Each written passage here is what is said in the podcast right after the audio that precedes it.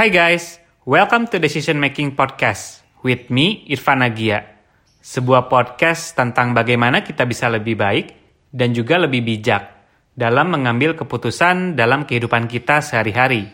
Dibahas dari berbagai perspektif, terutama keilmuan psikologi dan behavior science. Karena hidup adalah akumulasi dari pilihan-pilihan yang kita ambil.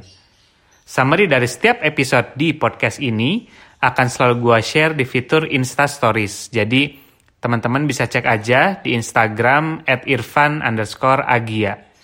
Nah, di episode ke-44 ini, kita bakal bahas topik tentang office politik atau politik-politik yang terjadi di kantor atau di tempat kerja.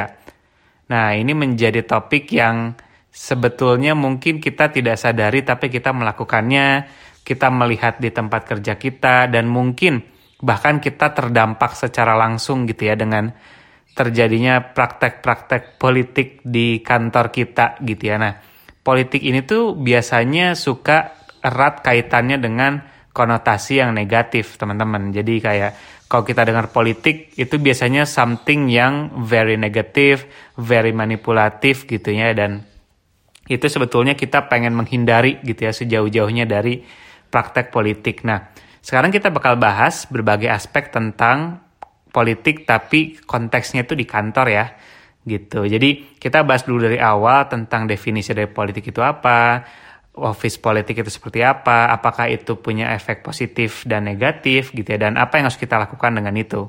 Nah, kalau kita mulai dari kata politik itu sendiri, jadi politik ini tuh diderive dari kata uh, Yunani gitu ya, Greek namanya politika artinya adalah affairs of the cities. Jadi kalau secara etimologi atau dari bahasa gitu ya dari kata politik ini adalah serangkaian aktivitas yang diasosiasikan dengan decision making di dalam suatu kelompok gitu ya. Bagaimana pengambilan keputusan itu terbentuk, tercipta gitu ya.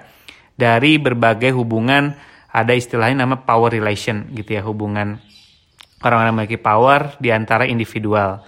Nah, itu juga biasanya outputnya adalah suatu pengambilan keputusan gitu ya yang sudah berdasarkan hasil uh, influence gitu mempengaruhi satu sama lain seperti itu. Nah, kalau office politik itu apa sebetulnya? Jadi kalau kita kaitkan lagi dengan kata dasarnya politik gitu ya. Jadi office politik ini adalah suatu proses dan juga perilaku dalam human interaction gitu. Jadi interaksi manusia dalam konteks sebagai karyawan gitu ya di tempat kerja yang melibatkan power and authority gitu. Jadi ini menggunakan kekuatan dari social networking di dalam tempat kerja kita gitu ya. Dan tujuannya untuk apa? Tujuannya untuk mendapatkan atau achieve change atau perubahan yang bisa benefit beberapa kelompok, beberapa uh, divisi dan bahkan yang paling penting adalah dari individualnya itu sendiri gitu ya. Jadi politik ini tuh muncul ketika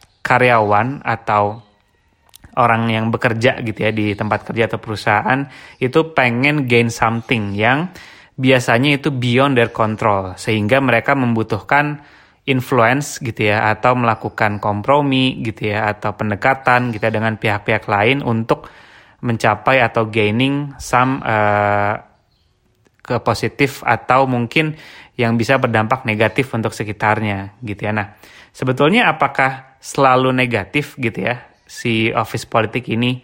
Biasanya kan kita sering dengar negatif example dari office politik ini kayak misalnya kita melihat ada dua orang yang mau katakanlah promosi gitu ya di tempat kerjanya. Yang satu itu emang dia tuh hard skillnya bagus, talented, mereka sangat ngerti dengan scope kerja mereka gitu ya.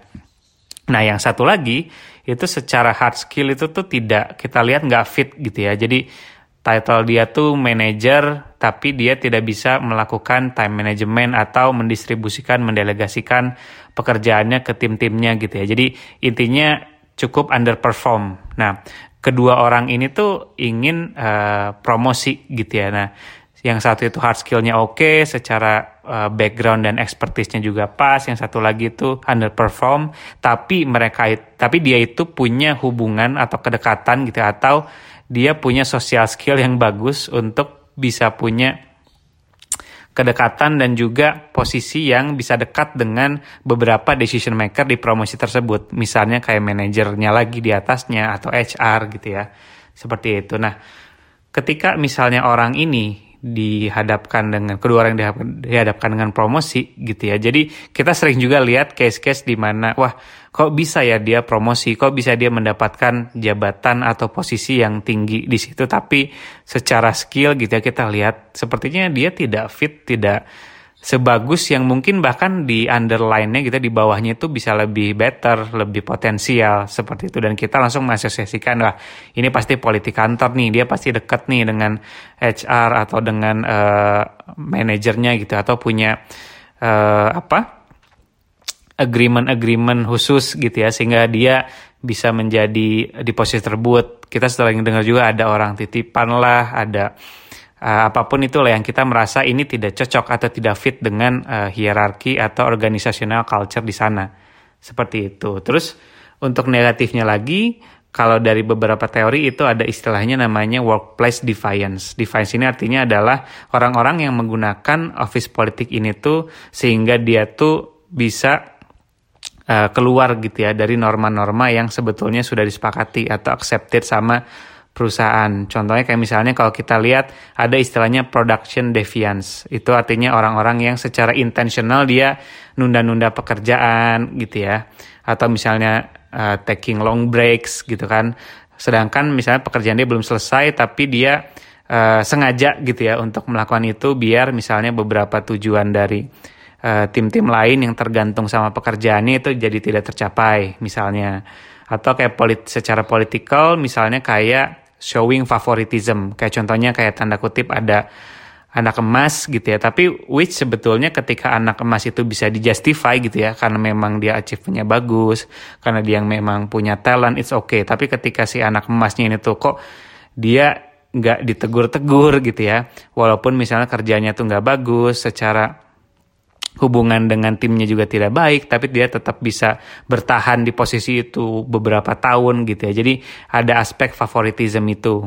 Kemudian ada contohnya yang bahkan lebih lebih parah lagi misalnya personal aggression gitu. Contohnya kayak ada harassment, verbal abuse gitu ya dan segala macam. Namun sebetulnya office politik juga ada sisi positifnya gitu ya karena pada dasarnya politik itu adalah an art of uh, influencing people gitu ya. Jadi influencing people juga bisa dalam konteks yang greater goods gitu ya. Jadi ada beberapa positive example dari influencing gitu ya atau punya skill mempengaruhi di tempat kerja. Contohnya misalnya ketika ada yang bekerja di bagian HR gitu ya. Nah, dengan orang yang bekerja di bagian HR dia punya privilege untuk memberikan positive influence terhadap company culture gitu ya. dan dia bisa dia bisa lebih mudah voicing out kalau kita harus tackling harassment gitu ya di tempat kerja gitu ya. Nah, orang-orang yang di HR ini dia bisa speak against it gitu ya. Dia bisa work against it, the harassment dan bisa nge-push company's culture gitu ya. Bikin kita harus punya culture untuk mengenai empowerment atau respect gitu ya. Jadi itu sebetulnya salah satu cara untuk menginfluence something gitu ya ke board of uh, director, ke manajemen untuk ini penting banget loh untuk kita address isu ini gitu kan. Itu sebetulnya bisa dikategorisasikan sebagai uh, langkah politis juga gitu kan. Kita juga dari segi individu kita bisa mencoba creating our positive image buat kantor misalnya dengan cara kita kalau di timeline sosial media terutama di LinkedIn gitu ya misalnya kita promoting uh, our company's good achievement atau good performance di sosial media jadi good endorser sehingga kita bisa punya nilai lebih gitu ya di nilai bagus di lebih baik dilihat sama manajer-manajer biasanya biasanya which itu kan sebetulnya bagus juga untuk kita menjadi tanda kutip brand ambassador gitu ya brand ambassador dari company kita kita kasih tahu nih achievement dari company kita seperti apa karena banyak sekali konteks di mana perusahaan itu tuh sebetulnya bagus tapi jarang dikasih jarang dapat spotlight karena karyawan-karyawannya tidak voicing out gitu ya. Seperti itu. Nah, pada dasarnya intinya adalah bagaimana kita menggunakan politik kantor itu baik itu untuk uh, greater goods gitu ya untuk positif aspek ataupun untuk personal career advancement atau yang negatif it's both up to us gitu ya. Jadi uh, what's your yang paling penting itu adalah bagi kita harus belajar bagaimana untuk memahami office politik ini gitu. Karena sering kali pertanyaan yang muncul itu adalah can we avoid office politics? gitu ya. Kita bisa nggak sih untuk menghindari gitu? Gue nggak mau ah ikut-ikutan politik di kantor gitu ya. Jadi waktu gue awal-awal kerja gue tuh sangat menyadari bahwa aduh ini kayaknya gue nggak mau deh itu kan politik yang penting gue kerja bener aja gitu kan. Nggak macem-macem deh gitu. I will ignore office politik gitu ya. Gue pengen sukses secara merit. Merit ini tanda kutip ya kalau gue bagus ya pasti gue ada recognize. Kalau gue bagus pasti uh, karir gue lancar gitu kan. Gue promosi gampang. Tapi unfortunately gitu ya uh, realistically speaking tidak seindah dan se seideal itu teman-teman ketika di tempat kerja gitu ya. Jadi uh, banyak sekali case di mana ya kita sempat bahas juga orang yang benar-benar bagus gitu ya, tapi secara sosial skill kurang gitu ya. Dia tidak punya banyak allies, dia tidak banyak voicing out gitu ya atau punya membangun kedekatan dengan tim lain atau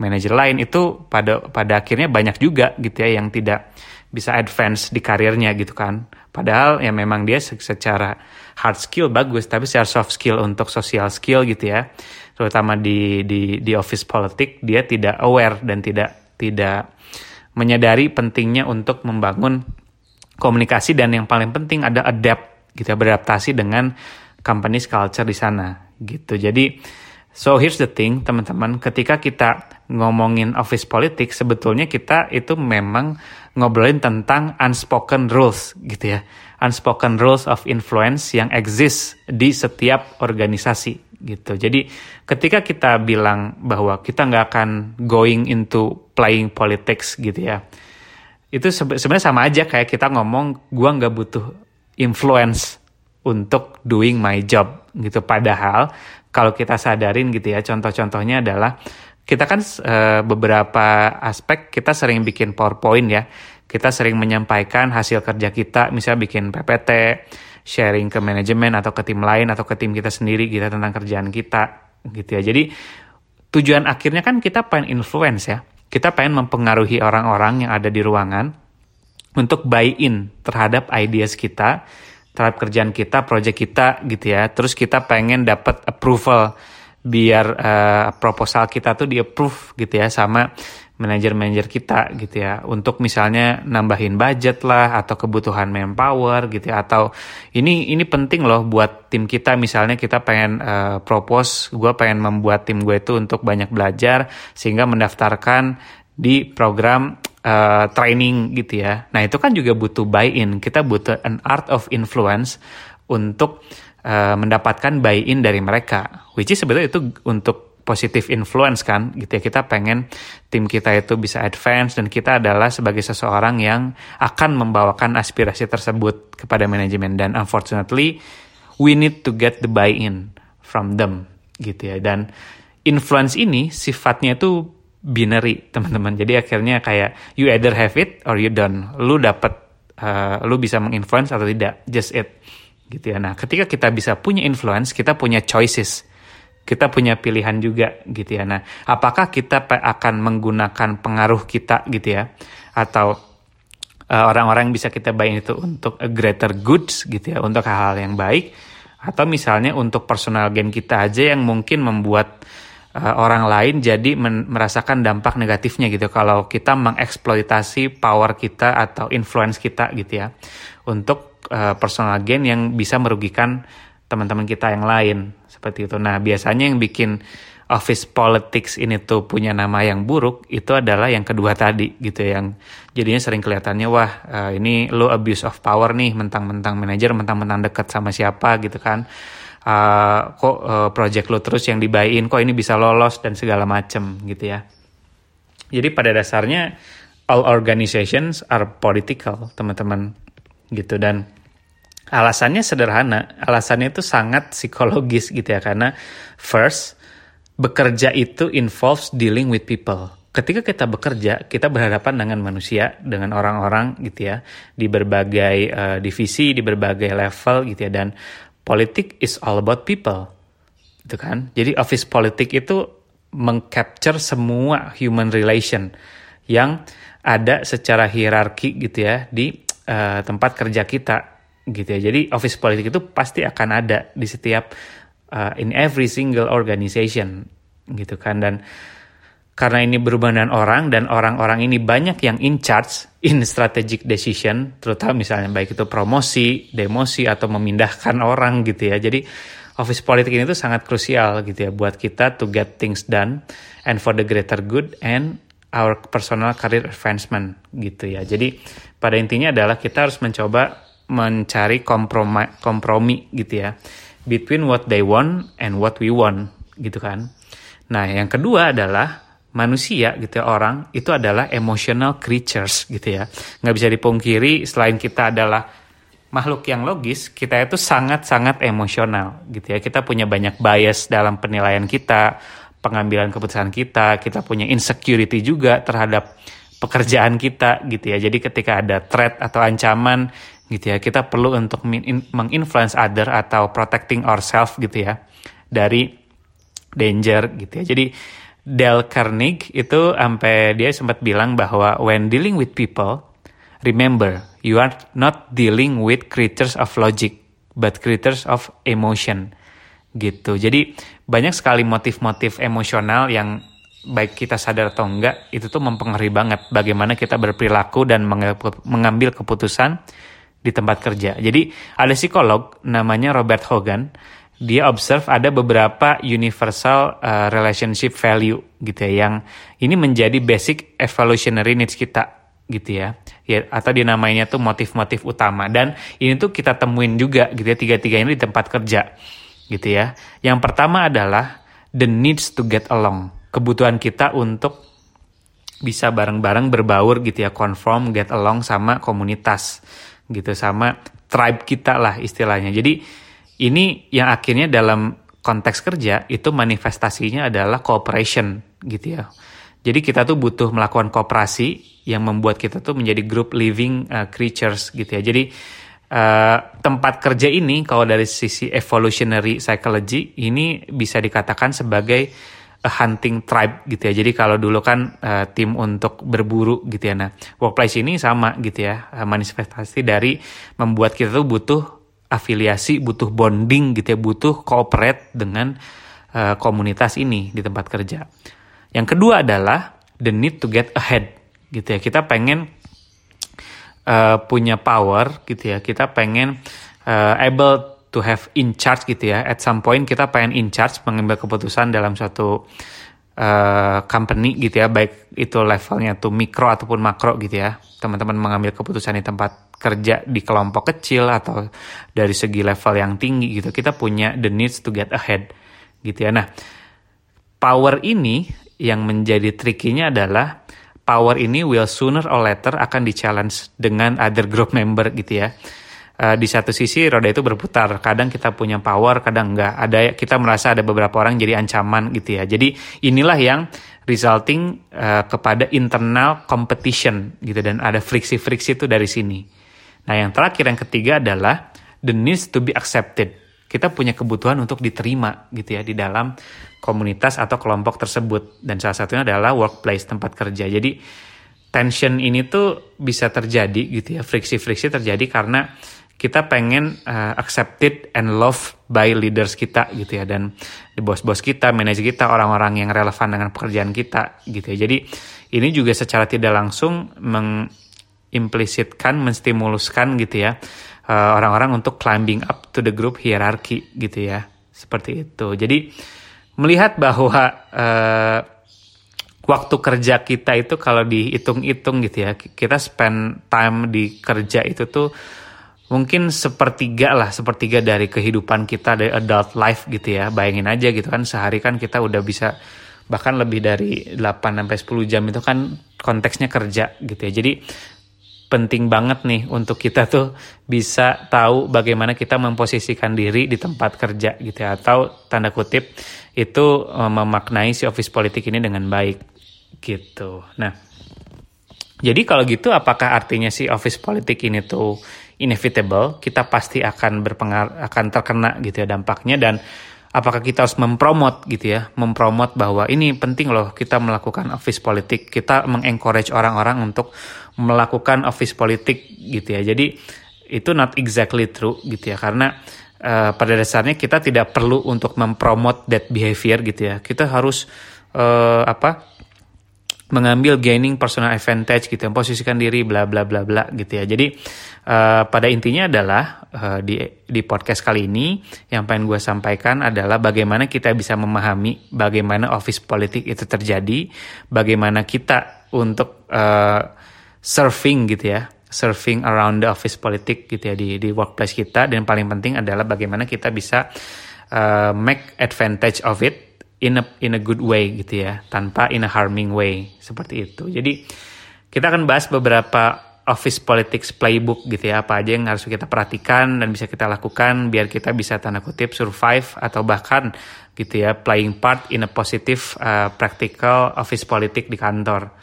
Seperti itu. Jadi pada dasarnya kita bisa bilang bahwa office politik juga bisa digunakan untuk greater goods ya teman-teman yang dengar gitu kan. Jadi uh, yang pertama gitu ya, ada beberapa hal. Yang pertama adalah kita harus belajar basic social skill.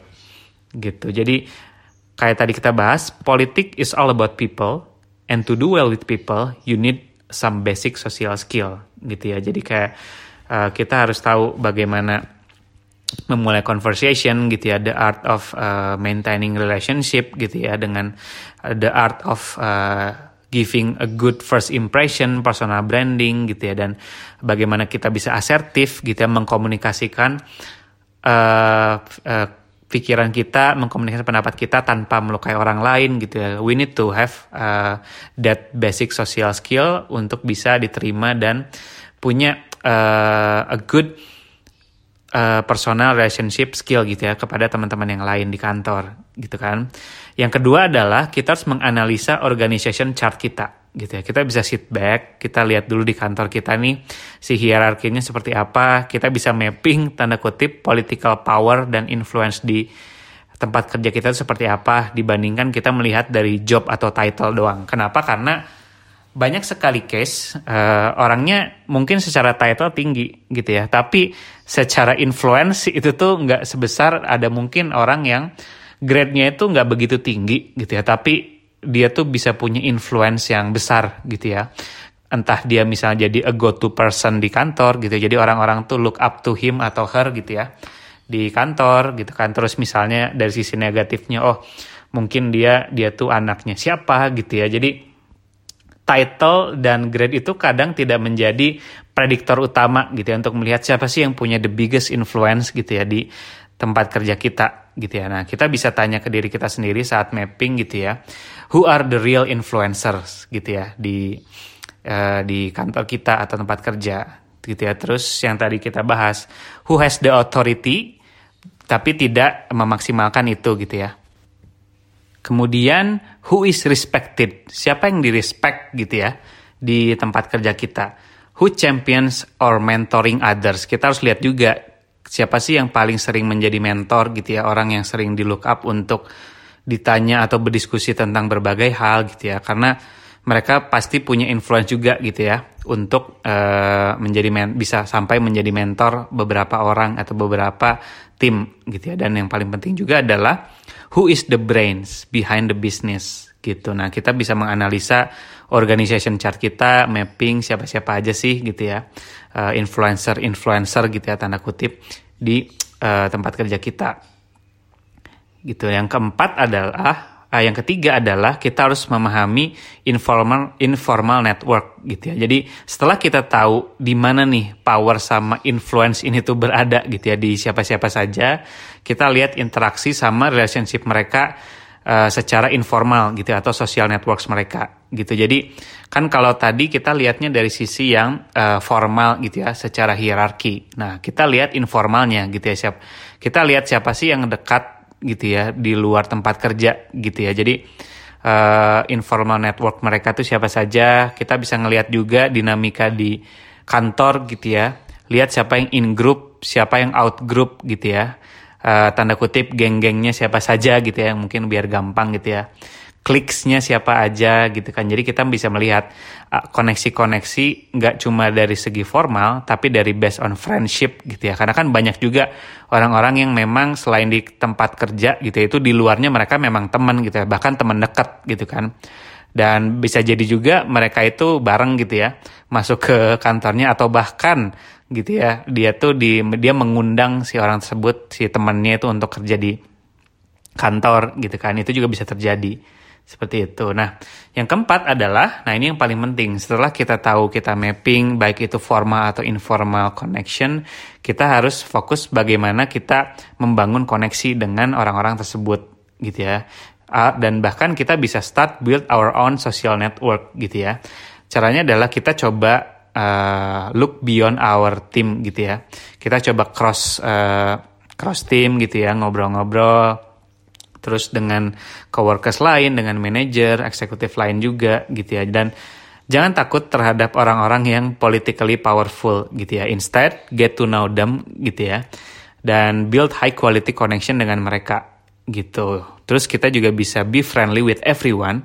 Tapi yang paling penting adalah jangan align yourself too closely with one group or another gitu ya. Jadi kita jangan terlihat uh, terlalu terafiliasi gitu ya dengan beberapa kelompok tertentu gitu ya. Just be friendly with everyone gitu ya. Tapi uh, put boundaries gitu ya bahwa memang ya ini memang apa kita kerja uh, by by respectnya itu by kolega gitu ya di tempat kerja aja kita jangan terlalu terlihat untuk terafiliasi dengan beberapa grup tertentu gitu ya. Nah, yang terakhir yang kelima uh, adalah develop your people skills, people management skill dan emotional maturity gitu. Jadi kedewasaan dan kematangan emosional kita gitu. Karena seperti yang kita bahas dari awal, politik is all about people, teman-teman. Jadi so strong interpersonal skill itu menjadi wajib gitu ya. It will make you uh, in a good position when it comes to building and maintaining your network gitu. Nah, nggak nggak kalah pentingnya itu adalah emotional intelligence juga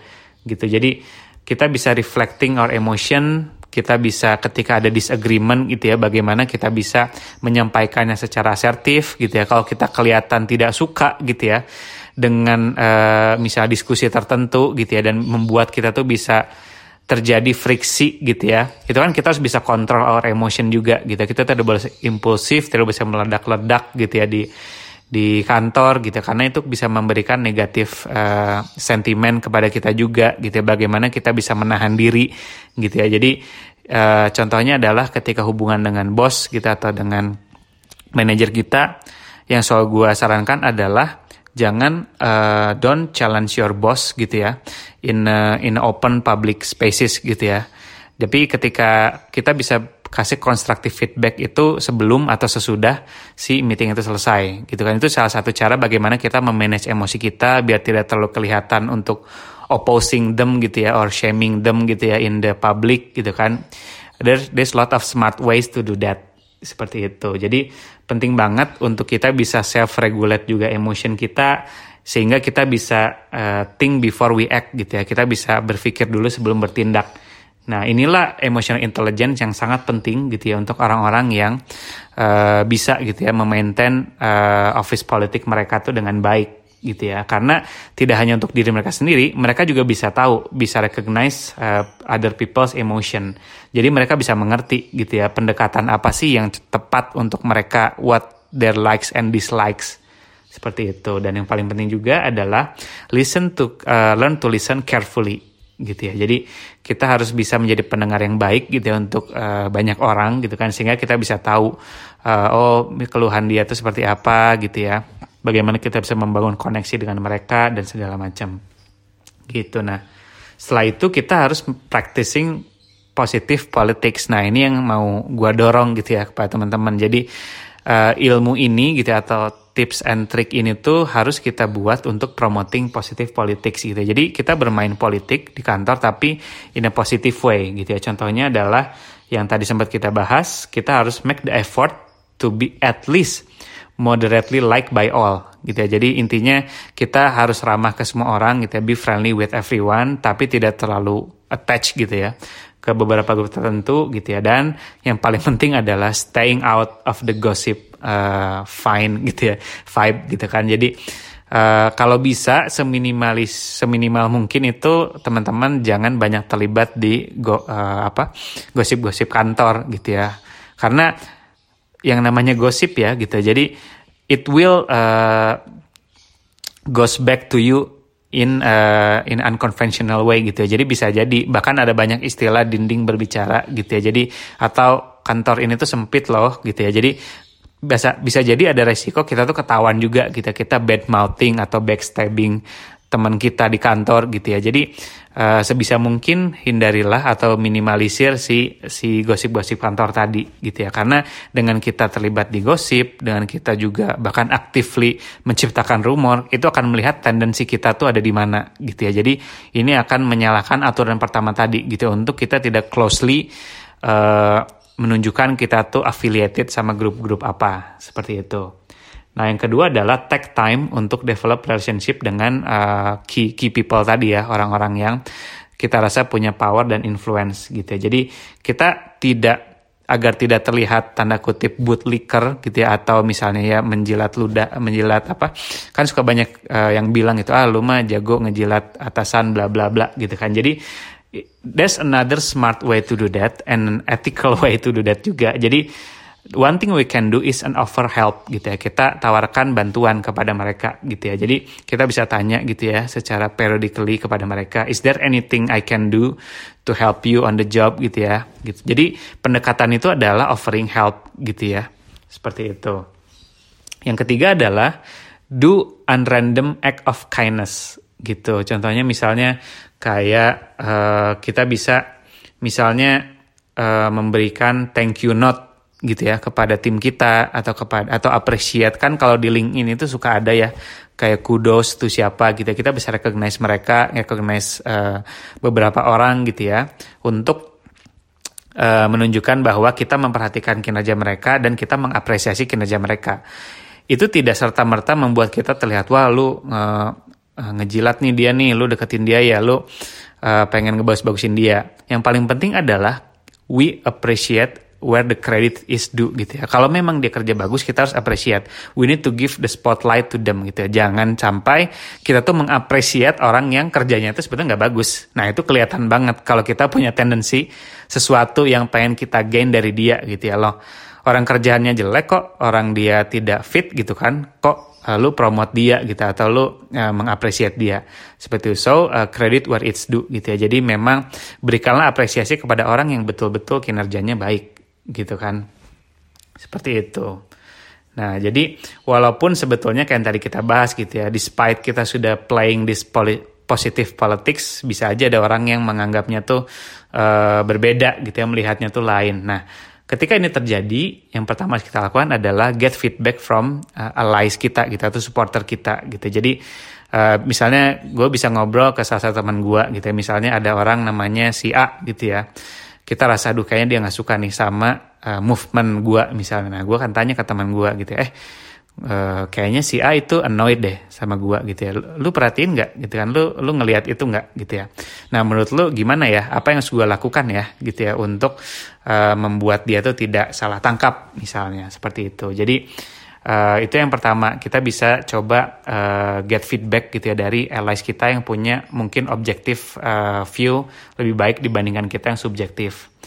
Yang kedua, kita, kalau untuk orang yang bisa lebih straightforward, lebih asertif, kita bisa privately confront the backstabber tadi gitu atau orang yang tidak suka dengan political movement kita. Contohnya misalnya si A tadi tuh akhirnya gue datengin langsung gitu kan secara private gitu ya. Eh, gue lihat kayaknya lu eh, nggak uh, nyaman ya ketika misalnya gue melakukan ini atau misalnya gue nge-raise project A, project B misalnya gitu ya. Uh, apakah gue menyampaikannya secara salah gitu ya. Jadi ketika kita mengkonfront dia secara private, kalau kita dapat useful feedback bagus gitu ya. Jadi oh ya, gue bisa dapat reasonnya secara jelas dengan langsung dari dia. Oh ya, berarti memang mungkin dari guanya ada menyinggung beberapa pihak gitu kan.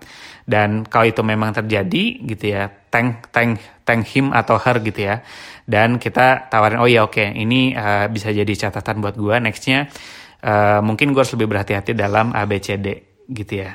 Seperti itu. Jadi kalau misalnya uh, ternyata si orang itu tuh tidak punya alasan atau argumen yang tidak masuk akal gitu atau tidak relevan gitu ya atau unjustified lah kita harus strong kita harus punya position yang uh, contohnya bilang ke dia eh ah kayaknya lu uh, nahan-nahan sesuatu deh atau informasi dari gue deh gitu kan. Jadi kayak uh, lu boleh cerita nggak kenapa sih lu misalnya uh, nggak nyaman sama gue segala macam tapi ketika misal dia ceritanya itu nggak gak nyambung gitu ya. Kita bisa tegur juga dia gitu ya. Kalau lu ada masalah atau apa-apa sama gua gitu ngobrol langsung aja ke gua gitu ya.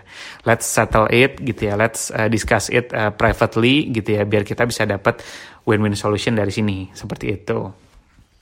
Gitu. Jadi uh, itu memang beberapa hal yang perlu kita perhatikan juga gitu kan. Nah terakhir ada lima prinsipal dari office politik yang uh, dari sisi psikologi gitu ya, yang ini praktikal banget dan harus menjadi prinsipal teman-teman ketika playing office politik. Yang pertama adalah pemahaman bahwa orang itu tidak hanya logis tapi uh, dia juga irasional atau emosional juga gitu ya. Nah, karena itu uh, kita tidak bisa serta merta mempengaruhi orang itu dari sisi logis doang gitu. Kita influence mereka by data gitu ya. Ini udah ini bener loh bagus loh gitu kan kerjaan ini ini proyeknya harus jalan secara data bla bla bla bla. Tapi kan kita banyak melihat juga walaupun data kita akurat, data kita tepat, kadang kita nggak dapat buy in juga gitu ya. So kita bisa melihatnya dari in a emotional way. Kita bisa uh, mempengaruhi mereka bukan dari segi uh, rasional atau logis atau by data tapi secara emosional gitu ya. Yang kedua adalah goals kita adalah membangun relationship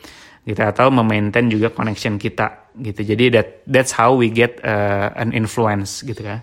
Yang ketiga, kita harus menyadari bahwa setiap orang itu punya uh, tendensi, kebutuhan gitu ya dan uh, keinginan yang berbeda-beda gitu ya. Jadi understanding their work style gitu ya, itu akan membuat kita lebih mudah untuk adapt gitu ya dengan mereka. Nah, yang keempat adalah always look if possible itu untuk win-win solution. Gitu ya. Another word for that itu adalah komprom compromise gitu ya. Kadang kita harus tahu bahwa ini we need uh, to compromise things uh, in order to get things done gitu ya. Jadi kita harus uh, mau juga giving up a little of what we want to give gitu ya uh, for someone else, tapi kita bisa mendapatkan win-win solution. Dan yang kelima, ini juga menurut, menurut gue yang paling penting adalah learn to pick your battles. Pilihlah uh, battles yang menurut teman-teman itu reasonable dan worth it gitu ya untuk dilakukan gitu. Make sure kita tidak uh, expanding our influence, our effort, our time kepada sesuatu yang kita rasa tidak worth it gitu ya untuk kita lakukan. Oh gitu. Nah, Summary-nya adalah uh, we have to stop looking at office politics as something that is fundamentally evil gitu ya nggak nggak pada dasarnya nggak selalu buruk juga gitu ya karena once kita udah punya better understanding terhadap office politik gitu ya kita jadi tahu bahwa pada dasarnya ini adalah an art of influence gitu untuk mempengaruhi dan mempengaruhi itu bisa bisa baik bisa buruk tergantung dari tendensi kita juga gitu ya jadi people use office politik gitu ya all the time sebetulnya. Cuma mungkin kita nggak notice aja gitu ya. Nah, pada jadi pada intinya uh, the key message uh, in this episode adalah learn to serve the office politik in your uh, workplace karena office politik is inevitable. That's why we need to know our stances dan juga kita bisa mapping gitu ya, how we can survive and we can serve through this office politics. Oke, itu aja. Semoga bisa memberikan perspektif lain buat teman-teman. Untuk episode selanjutnya, gue bakal bahas topik tentang respect. Gitu ya. Ini juga masih berkaitan nih, bagaimana kita earning respect gitu ya. Apakah respect itu bisa dibeli atau bagaimana sih cara kita bisa di respect atau membangun uh, suatu image yang bisa membuat kita di respect oleh orang-orang gitu. Nah, kita akan bahas di episode ke-45. So, sampai jumpa di episode ke-45. Kalau ada request atau masukan tentang feedback, boleh email atau message gue di Instagram at irfan underscore agia. Kalau teman-teman ngerasa topik podcast ini berguna atau memberi wawasan baru, please share it to others. Jadi teman-teman bisa bagikan link konten podcast ini di Instagram, because sharing is caring. Thank you and see you in the next two weeks. Bye.